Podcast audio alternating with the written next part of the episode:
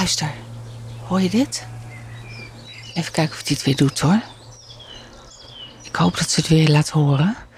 Want uh, misschien moet ik niet te dichtbij komen. Hoor je dat? Ja, dat is een extra. Oh, die, er is hier een extra heel laag aan het overvliegen. En die um, vliegt hier over omdat een van mijn katten um, de andere extra waarschijnlijk uh, haar vriendje of vriendinnetje te pakken heeft en vermoord heeft en gedood heeft.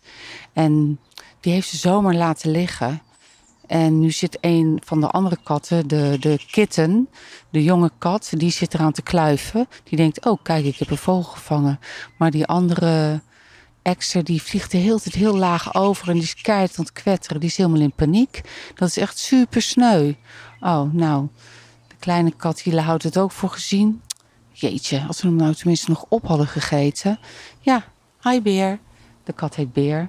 Die komt hierheen rennen. Nou, er ligt dus een dode extra hier op de stoep. En uh, ja, zijn maatje of zijn vriendinnetje, die, uh, die vliegt een beetje in paniek over.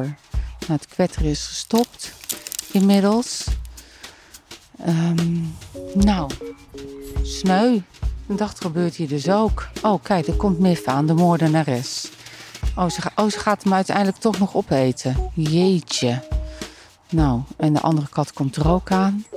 Nou, ik laat ze maar even gaan. Het gekwetter is gestopt van uh, de andere extra. Waarschijnlijk geaccepteerd dat hij uh, alleen verder moet door het leven.